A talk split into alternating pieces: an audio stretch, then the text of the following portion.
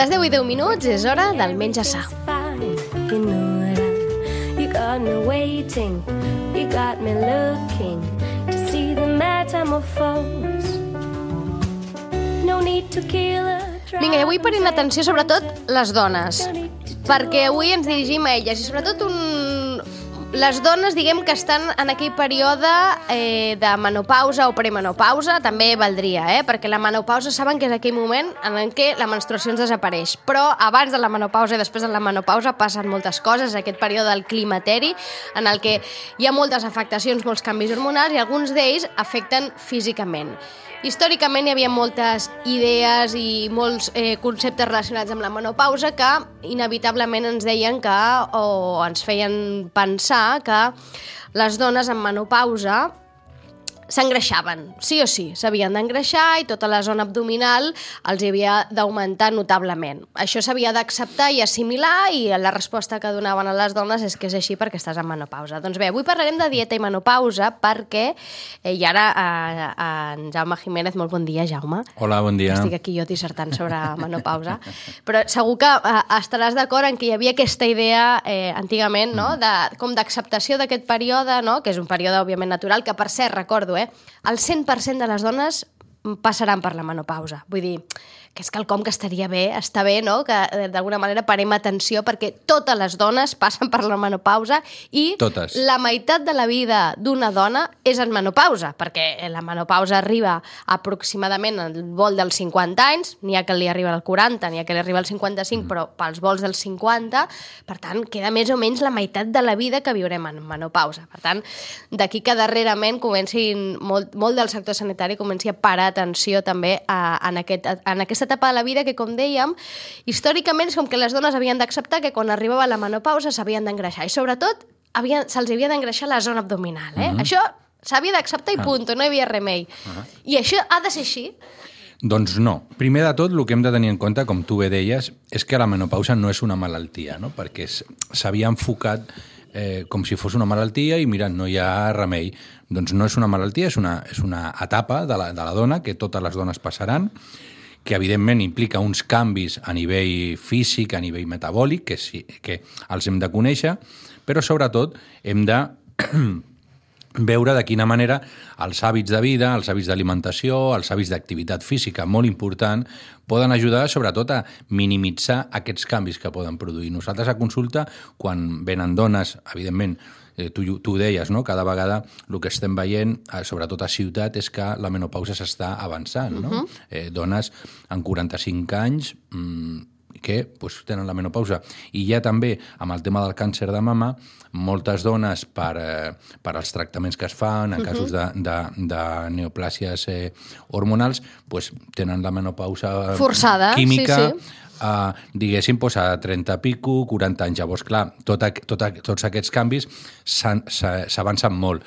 Per tant, jo sempre els dic una cosa, i és, la gran avantatge que té la dona és que la majoria de canvis que genera la menopausa es poden reduir amb bons hàbits, sobretot amb pràctica física. La pràctica física és un gran aliat per reduir moltíssim tots aquests problemes que poden aparèixer com a conseqüència d'aquestes adaptacions que ara, que ara, ara uh -huh. parlarem. Per tant, moure's, eh? Una s'ha de fer activitat eh, física, exercici, que no necessàriament això significa que ara ens haguem de convertir en esportistes d'elit, eh? però eh, deixar la vida sedentària, tenir una vida doncs, mínimament activa, eh? amb moviments. Acti Exacte. Uh -huh. uh -huh. Llavors, què passa? Principalment, els estrògens, que és l'hormona predominantment femenina, és un gran protector de la dona, realment a nivell cardiovascular, a nivell metabòlic, o sigui, realment a l'estrogen, quan està en una concentració elevada, com passa a la dona fèrtil, doncs evidentment això li implica molta protecció. Què passa? Que redueix la concentració d'estrògens a la premenopausa, com tu deies,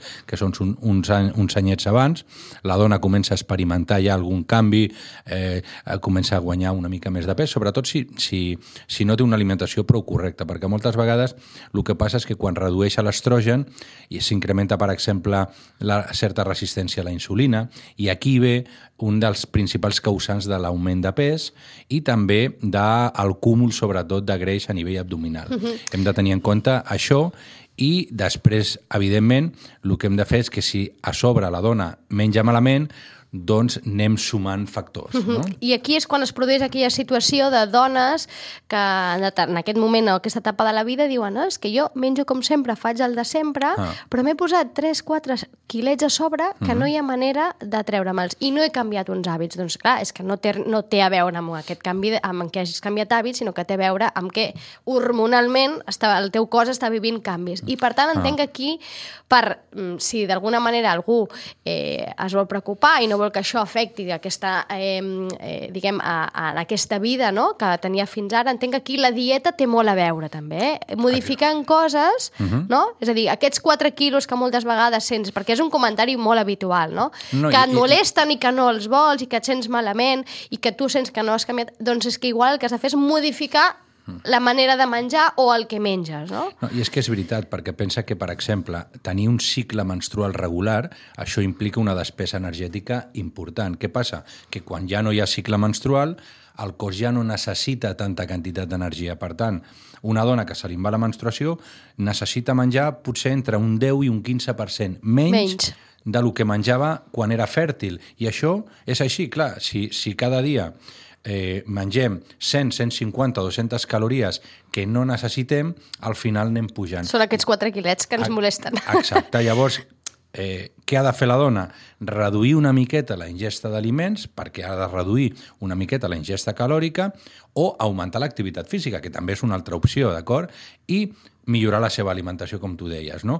Millorant sobretot la qualitat dels hidrats de carboni. Això és fonamental. En cap cas s'han de treure els hidrats de carboni, perquè Compte, això eh, també, aquí. perquè això és un tema important, perquè evidentment l'estrogen, al ser un gran protector a nivell cardiovascular, però també ho és a nivell ossi, molt important.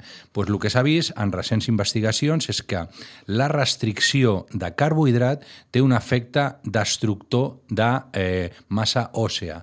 Per tant, cuidado amb aquestes dietes eh, cetogèniques, restrictives en hidrats de carboni, en dones menopàusiques, perquè a sobre augmenten l'excreció de calci per l'orina, això per una banda, i després la restricció de carbohidrats incrementa l'activitat de, de certes cèl·lules que degraden os. Per tant, cuidado perquè no tot s'hi val. No val treure els hidrats de carboni, sinó que hem de millorar la qualitat i els hem de moderar. Això és el que hem de fer. Eh? Per tant, compte eh, que eh, hem de parar atenció a això, si realment el que ens ha passat no és que ens haguem engreixat per un tema de que estiguem menjant mill- mm, pitjor o, o, mm. o més, o el que sigui, sinó per un tema hormonal, de canvis hormonals nostres, el que hem de fer és modificar aquests hàbits. Compte amb això que deia ara de, de la reducció o l'eliminació dels hidrats de carboni, que és el que tendim a fer em sobren 4 quilets, em trec el pa unes setmanes i la pasta i me'ls trec. Compte, perquè després apareix l'osteoporosi i aquest és un altre problema bastant més greu. Sí, i aquest ja quan, quan, quan es presenta Ja és, no- molt, sí. és molt més difícil revertir aquesta situació. Per tant, mirem-nos bé si realment eh, aquest augment de pes que volem revertir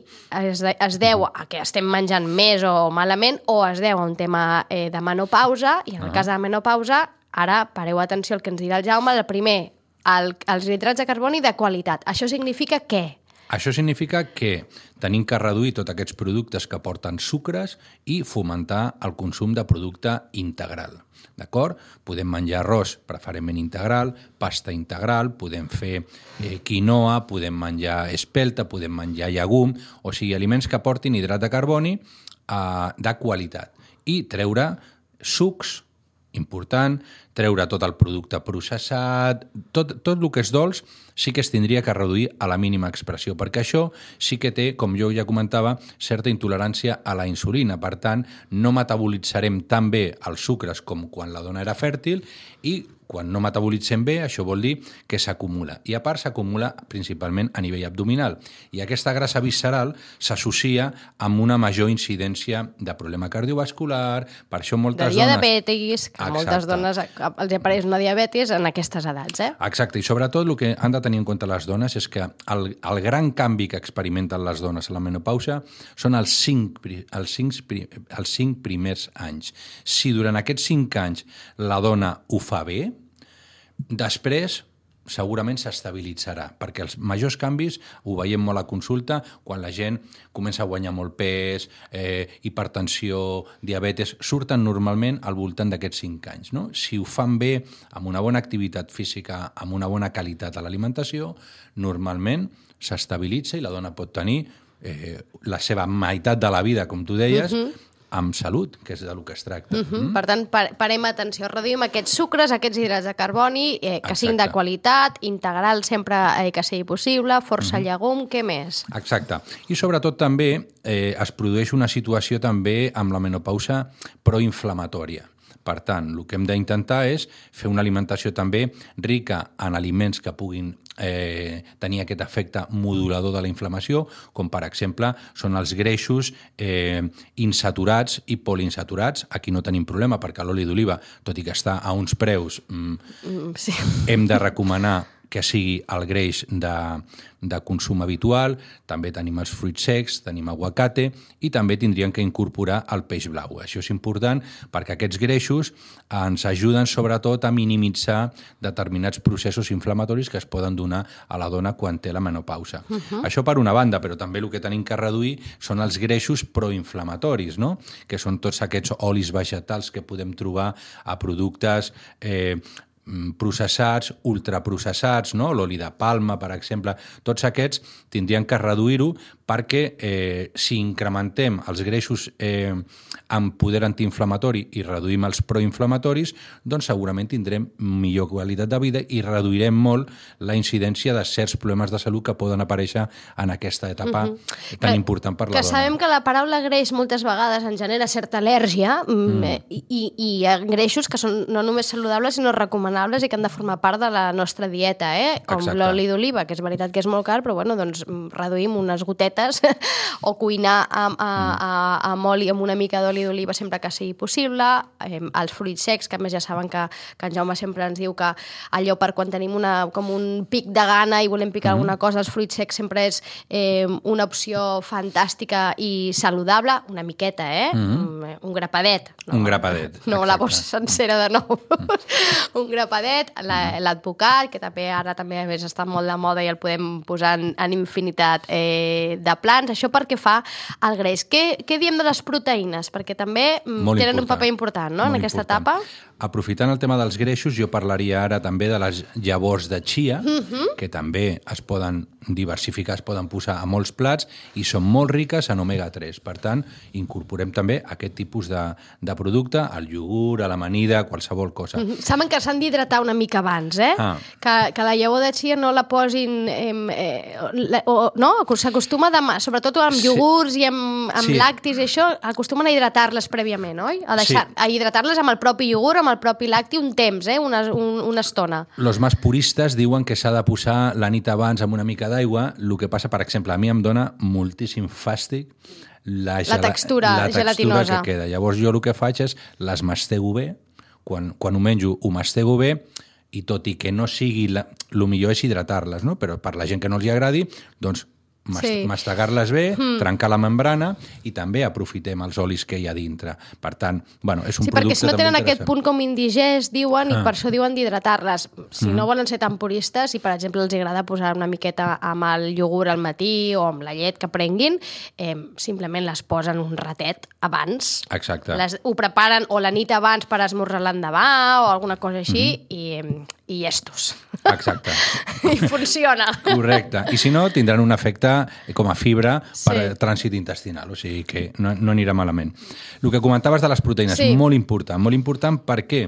Perquè la dona a la menopausa, quan re redueix l'estrogen, eh, es generen dues situacions. Una, s'augmenta la pèrdua de massa muscular i augmenta la resistència a crear massa muscular. Per tant, tenim dos problemes i això ho podem reduir Primer, augmentant la ingesta de proteïna, proteïna de qualitat baixa en greix, com poden ser carns magres, com pot ser peix, com pot ser ou, com poden ser llegums, eh, productes també derivats de la soja, que avui dia doncs, hi ha una diversitat important, sobretot perquè això ens ajudarà a mantenir la massa muscular. Si després nosaltres volem augmentar o tenir cert estímul, hem d'incorporar obligatòriament exercici de força. Obligatori. I això no vol dir anar al gimnàs a posar-se a aixecar pesos com una boja, no. Però el múscul necessita estímul. Si no rep estímul de càrrega, tot i que sigui aixecar una ampolla de litro i mig d'aigua, o sigui, però necessita estímul. Si augmentem la proteïna alimentària i incrementem l'exercici de força, podrem reduir moltíssim aquests problemes que es deriven de la menopausa sobre la massa muscular. Perquè, com hem dit en algun programa, quanta més massa muscular té una persona, millor qualitat de vida té. Per tant, hem de cuidar això. És que, a més a més, hem de pensar que, clar, que és aquesta etapa a la vida en què, com bé dèiem, la menopausa, el que fem és perdre massa muscular i no recuperar-la. I la massa muscular eh, és vital, és a dir, ens permetrà eh, fer-nos grans i seguir poder, poder seguir caminant, bàsicament, perquè els músculs són, són els que ens permeten moure'ns. Mantenir l'equilibri, o sigui, Exacte, és per tant, és molt important eh, pensant en, en aquesta massa muscular. Si el nostre cos l'està perdent per un tema hormonal, mm. doncs aquí és on hem d'incrementar aquests nivells de proteïna.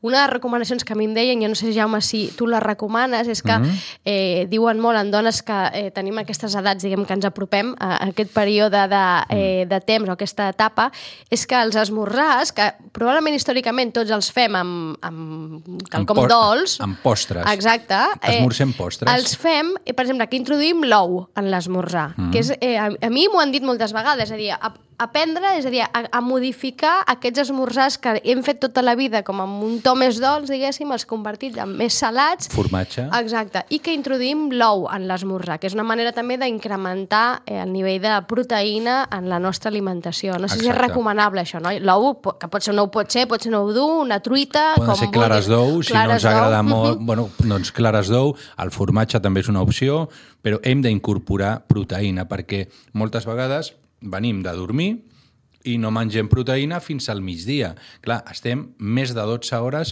sense menjar proteïna i això és un problema. La pèrdua de massa muscular eh, li passa a tothom, o sigui, a partir dels 40 Sí. anys eh, cap endavant... Els homes també, els homes també, encara que no tinguin menopausa. Bueno, tenim l'andropausa. Exacte. No? Que, que, però bueno, llavors es calcula que a partir dels 40 anys, més o menys, fins als 80, podem eh, perdre uns 8 quilos de massa muscular És que és i, a- molt, eh? i augmentar uns 8 quilos de greix. Clar, és que això és un problema enorme. Depèn dels nostres hàbits, que això, que pot ser algú normal, ho endarrerim al mínim. Clar, és que això pot ser que la bàscula no es modifiqui res, perquè has perdut 8 quilos de múscul i els has canviat per 8 quilos de greix, Clar. i per tant, la xifra de la bàscula, tu penses que estàs estupendament, però resulta que no estàs tan bé, perquè el que has canviat és múscul per greix, i aleshores això és un problema. Per, per tant, l'augment, és a dir, a mesura que ens fem grans, més proteïna. Ara no ens fartem a bistecs. Exacte. Eh? Diversifiquem una miqueta, equilibri entre proteïna animal i proteïna vegetal, d'acord? Això és important. Uh Mhm. -huh. La llegum, jo sempre sóc molt partidari de la llegum barata, econòmica i amb una bona font de, de proteïna. Mhm. Podem incorporar la llegum en forma de, de guissos, en forma d'humus. La quinoa també és un pseudo cereal que té un 18% de proteïna, que també és eh, molt interessant, i tota la gamma de productes, cereals integrals, fruits secs, tot això que ajudi a equilibrar eh, l'aport de proteïna. Això és important que ho tinguem en compte. Per tant, introduint aquests canvis a, a alimentaris, d'alguna manera és molt probable, si realment ho fan, que aquests, aquests eh, canvis hormonals que, que pateix el nostre cos i que no podem evitar, perquè forma part de la eh, nostra De la vida. biologia, exacte, no ens afectin, o no ens afectin tant, eh? Per descomptat, si vostès tenen problemes i estan en menopausa, el que han de fer és anar al metge. Exacte. Es Sí. fa una analítica i el metge Exacte. determina. I el escolta, determinar, perquè no és tot dieta, òbviament. Mm. Però la dieta té un paper fonamental, molt més fonamental de, del, que, del que ens pensem. No sé si t'hi trobes, Jaume, és a dir, si cada vegada més també mm. eh, veus dones en consulta amb aquesta edat i amb aquest, i amb aquest neguit i aquestes ganes d'alguna manera de, de, eh, de, de modificar aquests hàbits per superar aquella idea de que arribar de certa edat doncs t'havies d'aguantar, no? El teu cos anava a modificar-se i, I és lo que hay. i és lo que hay, no? Mm, No sé ja. si t'hi trobes, I que hi ha tant. com, una, com que hi ha un tant. moviment femení aquí que una mica De- més revolucionat, no? De fet, a consulta, el perfil majoritari són dones i majoritàriament són premenopausa i menopausa, que és quan la dona experimenta el major canvi físic eh, exceptuant els embarassos. No? O sigui, el major canvi físic que experimenta la dona és o sigui, mai ha estat així, no? O sigui, tu- i a part t'ho diuen. Bueno, eh, volen perdre pes, però el que hem de fer també és educar perquè entenguin tot això i sàpiguen bueno, pues que aquest pes o aquest guany de pes és la conseqüència de... No és que mengi malament, sinó que bueno, hem de posar ordre a certes coses i a partir d'aquí, quan posem ordre, la conseqüència normalment és que el pes es regula. Però començar a fer pautes per perdre pes eh, molt agressives i centrar-nos en el pes quan no estem educant a la persona en els hàbits d'alimentació, tipus d'esport, eh, és pan para hoy, hambre para mañana, uh -huh. perquè al final tornarà a guanyar pes una altra vegada. Per tant, és important el component educacional per part del professional, perquè quan una dona entén els canvis i entén com els pot solventar, és molt més fàcil que, que tingui adherència i que es mantingui durant tota la vida, uh -huh. que és de lo que es tracta. Uh -huh. I, que, I és probable que després a llarg termini doncs, evitem o allarguem o estirem el màxim temps possible l'aparició la, la, de la diabetis, que en la dona és molt freqüent també a partir d'aquestes edats, sí, l'osteoporosi, sí. etc. És a dir, són no, no. moltes més coses. Eh? I el problema cardiovascular, I, uh -huh. o sigui, moltíssim, sí, i, sí. i cada vegada més... De fet, és, el... no sé, jo diria que és la primera causa de mort en les dones, eh? Mm. L'infart de miocardi. El que càncer, passa... de, càncer de mama... Càncer de mama sí. i el tema cardiovascular. El tema sí, cardiovascular, sí. cuidado, i ara amb el tema de, de la Covid també, o sigui que és important cuidar-se i tenir cura dels hàbits, hàbits de vida. Mm -hmm. Per tant, si estan en aquesta etapa i veuen que allò que feien sempre, que han agafat uns quilets, i allò que feien sempre ara no els funciona, no hi ha manera, mmm, pensin que igual no és un tema només eh, d'un tema de que estan menjant més o malament, sinó que hi ha un tema aquí hormonal, d'una afectació uh -huh. que té a veure amb la menopausa i que el que hem de fer és modificar hàbits, no deixar de menjar pa o pasta durant dues setmanes. Exacte. és que, clar, aquí un és dona i sabem el que passa. té una edat. No? Ja, ja, ja, ja. I ja sabem una mica per on van les coses, no? I també moltes vegades el que escoltes, no? I, i tots, totes tenim mares o tots tenim mares i àvies àvies i també hem vist a les nostres mares, a les nostres àvies, com han viscut aquestes etapes. I com han, han anat canviant, Exacte, no? com mm. físicament han anat canviant mm. i moltes vegades elles mateixes deien no sabien per què, no? I s'acceptava i s'entenia, doncs, mm, eh, per sort, ara una mica estem atenent aquest tema. Alguna qüestió més? Bueno, dos cosetes només per acabar. Vinga. És eh, evitar, molt habitual també, l'ús de laxants i antiàcids, molt important, perquè moltes dones pues, tenen estrenyiment o, o prenen antiàcids. Per què? Perquè els laxants i els antiàcids provoquen una pèrdua important d'absorció de nutrients. I això és fonamental. Per què? perquè molta gent s'acostumen al lavabo a partir de prendre laxants. Això eh, no és recomanable i prendre antiàcids cada dia doncs al final acaba agreujant moltíssim eh, el tema de l'osteopènia, el tema de l'osteoporosi i, per una altra banda, augmentar el consum de eh, substàncies antioxidants. D'acord? Uh -huh. Molt important també per poder reduir aquest període, diguéssim, que, que pot generar la reducció d'estrògens. No? Com ara quina? O què, per exemple? Quines coses podem Mira, per exemple, uh, l'all, uh -huh. importantíssim, la ceba, l'advocat, els cereals integrals i, preferentment, les fruites, a les fruites que són de color eh, lila són molt interessants per poder incorporar, d'acord? Perquè d'aquesta manera estarem incorporant eh, molts antioxidants, sobretot seleni, que ajuda a reduir aquests processos que es poden donar com a conseqüència d'aquesta fase. Fruites de la... liles amb els navius.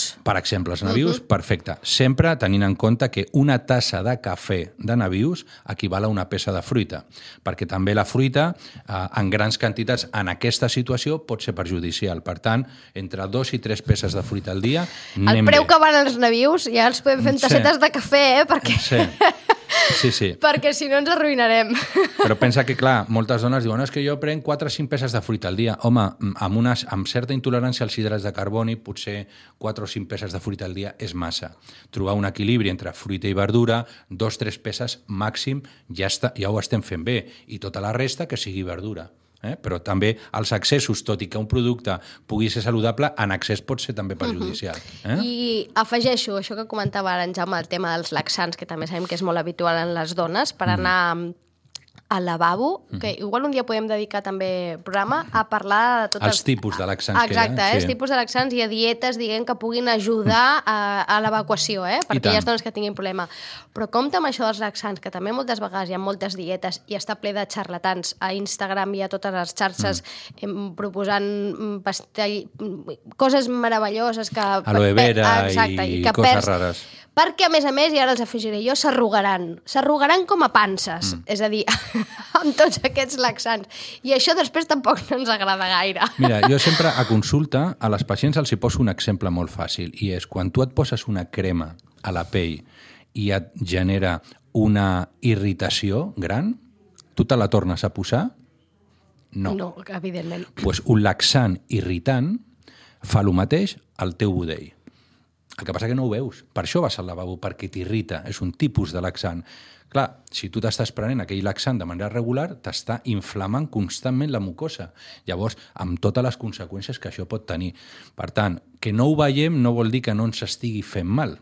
I això és important, perquè la dona diu, hosti, clar, jo em poso una crema, m'irrita, no me la poso més. Doncs pues el laxant irritant mmm, fa el mateix. Si us plau, si us plau, qualsevol mm, dubte que tinguin o, o, o canvi que vulguin fer en la seva dieta, en la seva vida, si us plau, sempre consultin a professionals, perquè al final és l'única manera de garantir que allò que fem serà saludable i no ens farà mal per alguna altra banda. Professionals com el Jaume, per exemple, que ja saben que a més té consulta a Sitges, al carrer Major, número...